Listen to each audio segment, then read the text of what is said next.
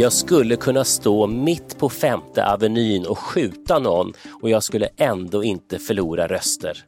Så sa presidentkandidaten Donald Trump för fyra år sedan. Och han har fått rätt som president. Han har faktiskt kunnat säga och göra saker som nästan ingen annan president tidigare har gjort utan att det påverkat hans väljarbas. Nu ska vi reda ut hur han gjorde det och om den senaste dippen i väljarsiffror betyder någonting.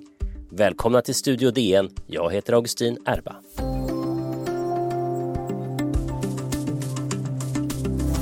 My people are so smart. And you know what else they say about my people? The polls. They say, I have the most loyal people. Did you ever see that?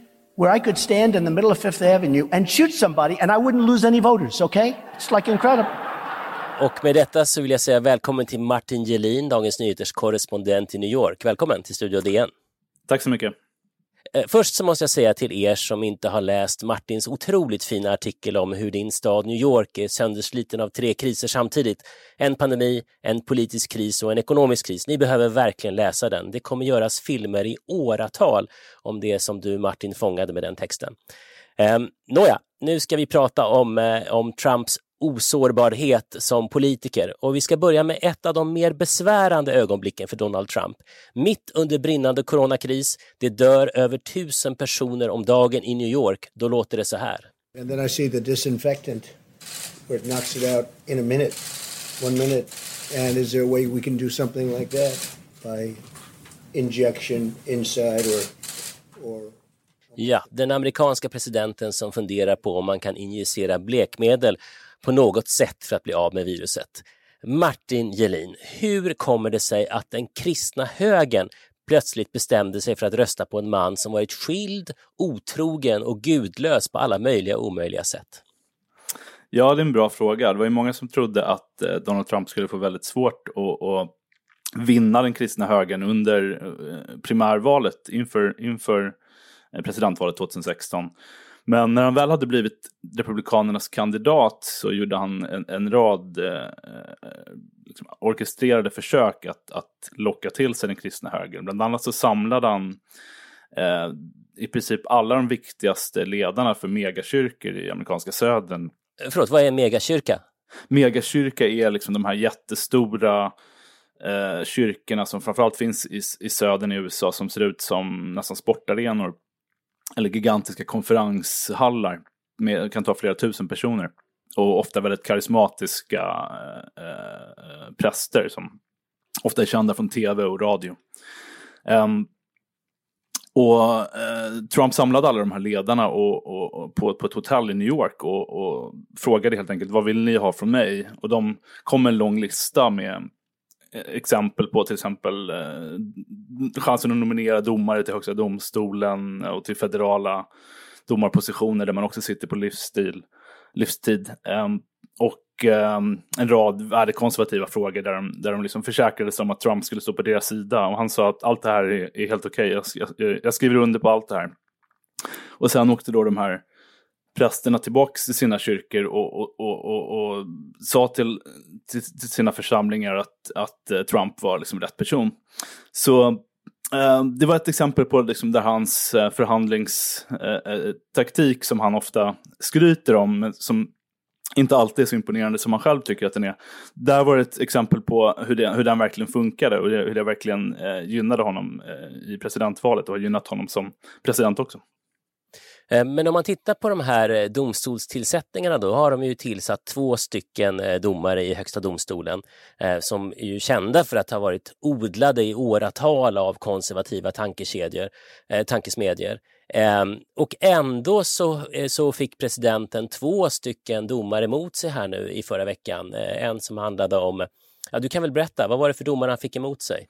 Ja, precis. Det var många som blev överraskade. Framför allt var det ett domslut som gällde om arbetsgivare ska ha rätt att avskeda folk som beroende på sexuell läggning, eh, hbtq-personer. Eh, det har tidigare varit tillåtet i USA. Med det här domslutet så är det inte längre det.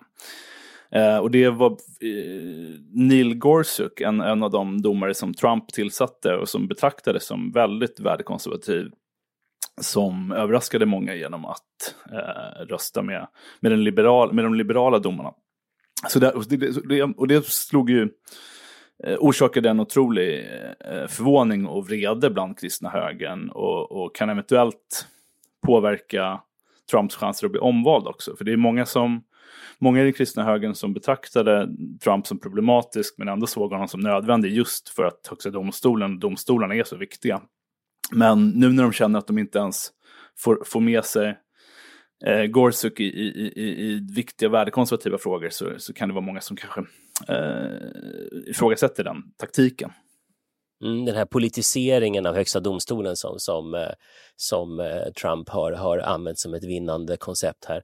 Ehm, jag brukar regelbundet kunna titta på, på Gallup, för de har en sån här undersökning som visar hur bra tycker amerikanska folket att presidenten gör sitt jobb.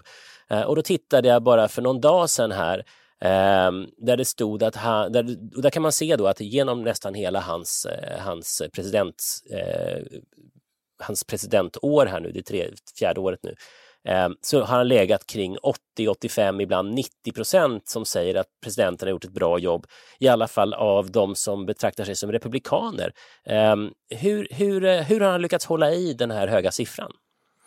Ja, precis. Det är, det är just alltså Republikanerna som säger det. Trump har ju förlorat en del just Gallupmätningen, under senaste månaden.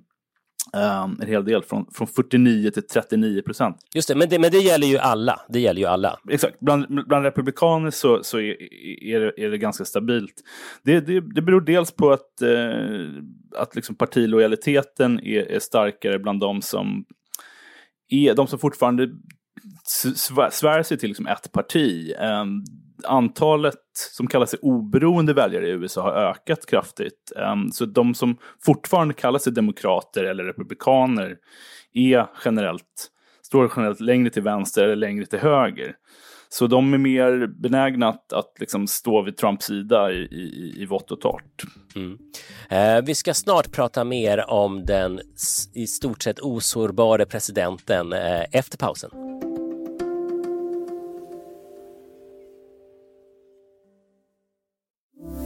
Välkomna tillbaka. Jag sitter här med Martin Gelin, eh, DNs eh, New York-korrespondent och vi pratar om Donald Trump och han, hans i stort sett osvikliga popularitet.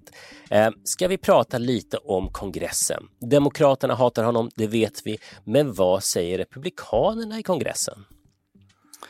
Ja, Republikanerna är ju mycket lojala mot Trump. Eh, det har ju ett väldigt högt pris att gå emot mot honom eh, i partiet. Han, han själv har ju väldigt lite tolerans för, för folk som är kritiska mot honom. Eh, så vi har ju ofta folk som är väldigt eh, lojala så länge de sitter i kongressen, men sen när de lämnar så kan de helt plötsligt bli väldigt kritiska mot honom. Det gäller även hans andra medarbetare som, som, som John Bolton som vi såg här i veckan med hans nya bok. Um, så jag tror att det handlar om att Trump har lyckats skapa en, en, en uh, känsla av att uh, priset är för högt för de som kritiserar honom i det egna partiet. Ja, men jag såg, jag såg något uh, uttalande han gjorde på Twitter där det var någon som hade gått emot honom, eh, var det Lisa Murkowski? Eh, och då han sa att han skulle stötta den som försökte ta hennes plats eh, och den enda kvalifikationen han efterlyste var att personen skulle ha puls. Ja, precis. Ja, men han har, han har, han har, han har gjort, gjort så ganska konsekvent. Um, men, men, med varierade framgångar får man väl säga. I, I primärvalen som ägde rum här i USA tidigare den här veckan så uh, var det flera kandidater som Trump stod bakom som, som förlorade sina primärval. Um, så det är inte garanterat att man, att man förlorar. Eh, och just nu när också Trumps nationella popularitet har sviktat en hel del så, så eh, är det kanske fler som eh, vågar ställa sig emot honom. Mm. Men, vi har fortfarande, men, men vad skulle krävas för att vi skulle få, för att vi skulle få se en, någon slags revolt i, i kongressen? Det känns ju väldigt långt borta. Vad, vad skulle krävas? Ja, det tror jag också. Det tror jag inte är alls realistiskt så länge Trump är kvar som president. Men däremot tror jag att det kan bli fler utmanare. Eh, om han skulle bli omvald så tror jag att eh, eh, det ändå kan, kan finnas parti, eh, republikaner på lokalpolitiken som, som eh, ehm, eh, står för en annan, lite, någorlunda annan, annan linje. Men, men det finns ingen liksom meningsfullt motstånd till Trump i, i partiet överlag. Nej. Igår så pratade vi om hans stormöte i Tulsa, Oklahoma eh, och man kan ju tycka att det var få besökare. Det var inte så konstigt. Det var ju 6 000 eller 12 000 beror på vem man lyssnar på istället för de tiotusentals som de hade hoppats på. Eh, men jämfört med Joe Biden så är det ju ändå oerhört mycket och så här låter det när Trump pratar om Demokraterna. But while we're creating jobs and killing terrorists, the Democrat Party has gone completely insane. And we are kicking their ass, I'll tell you. Ja, allvarligt talat, Martin Gelin, vad har Joe Biden för chanser egentligen? Ja, alltså han leder ju i den senaste mätningen som kommer från New York Times idag med 50 procent mot 36 procent för Trump. I genomsnittet så leder han med 9-10 procent eh, i snittet av alla mätningar. Så eh, Trumps chanser att själv bli omvald är, är de sämsta för en sittande president sedan eh, George Bush, eh, den första Bush på 90-talet. Han förlorade ju också. Precis, precis. Men, men vi får ju se vad, eh, hur valet kommer gå till överhuvudtaget. Vi har ju sett i primärvalen under sommaren att eh, eh, det har varit väldigt långa köer, det har varit problem med, i och med coronapandemin så har det varit många som har brevröstat och förtidsröstat som har gjort att eh, det tar lång tid att räkna rösterna och det finns en allmän, många osäkerhetsfaktorer inför valet i november. Mm. Um, men uh, han, Hillary Clinton ledde ju också stort uh, över Trump på sommaren om jag inte minns fel. Absolut. Um, så jag menar det är ju, det är ju alltid, alltid uh, svängningar i opinionsmätningarna men, men skillnaden nu är ju att vi har, amerikanska folket har känt Trump nu i fyra år som president och då, medan 2016 var han en liksom ny otestad förmåga. Um, så att uh, det är ju ja, det är gott om republikaner som själva säger att de betraktar det här som en, som en kris för, för Trump. Om du skulle, jag vet inte om du brukar gissa, men om du skulle gissa, vad tror du? Har vi, har vi Donald Trump, en, får han en andra, a second term? Four more years. Jag, jag gissar aldrig, men... men, men ehm, klokt, klokt Martin. men, men, men, men, jag tror att det är viktigt att, att, se att det faktiskt är... Det har skett en, en otrolig rörlighet faktiskt den senaste, senaste månaden bara. Um, först, var det, först var det framförallt välutbildade kvinnor i amerikanska södern som övergav Trump, folk som hade röstat på honom 2016 men som säger att de inte skulle göra det i år. Eh, men nu är det även vita män som har varit hans eh, allra främsta kärnväljare som, som, som har börjat svaja i stödet för Trump. Så att eh, eh, hans väljarstöd är, är, är, det svagaste det har varit under hans fyra år. Mm. Så här lät det 2016 när den nye presidenten presenteras.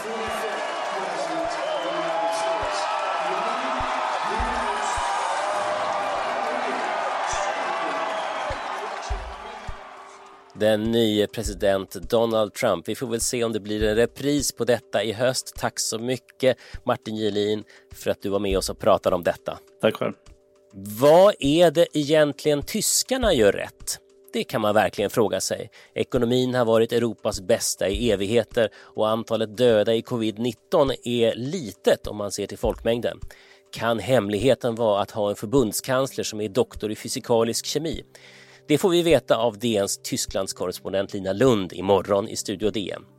Ljudillustrationerna i dagens avsnitt eh, var från AP och CNN. Studio DN görs av producent Sabina Marmulakai, ljudtekniker Patrik Misenberger, teknik Oliver Bergman, Bauer Media och jag, jag heter Augustin Erba.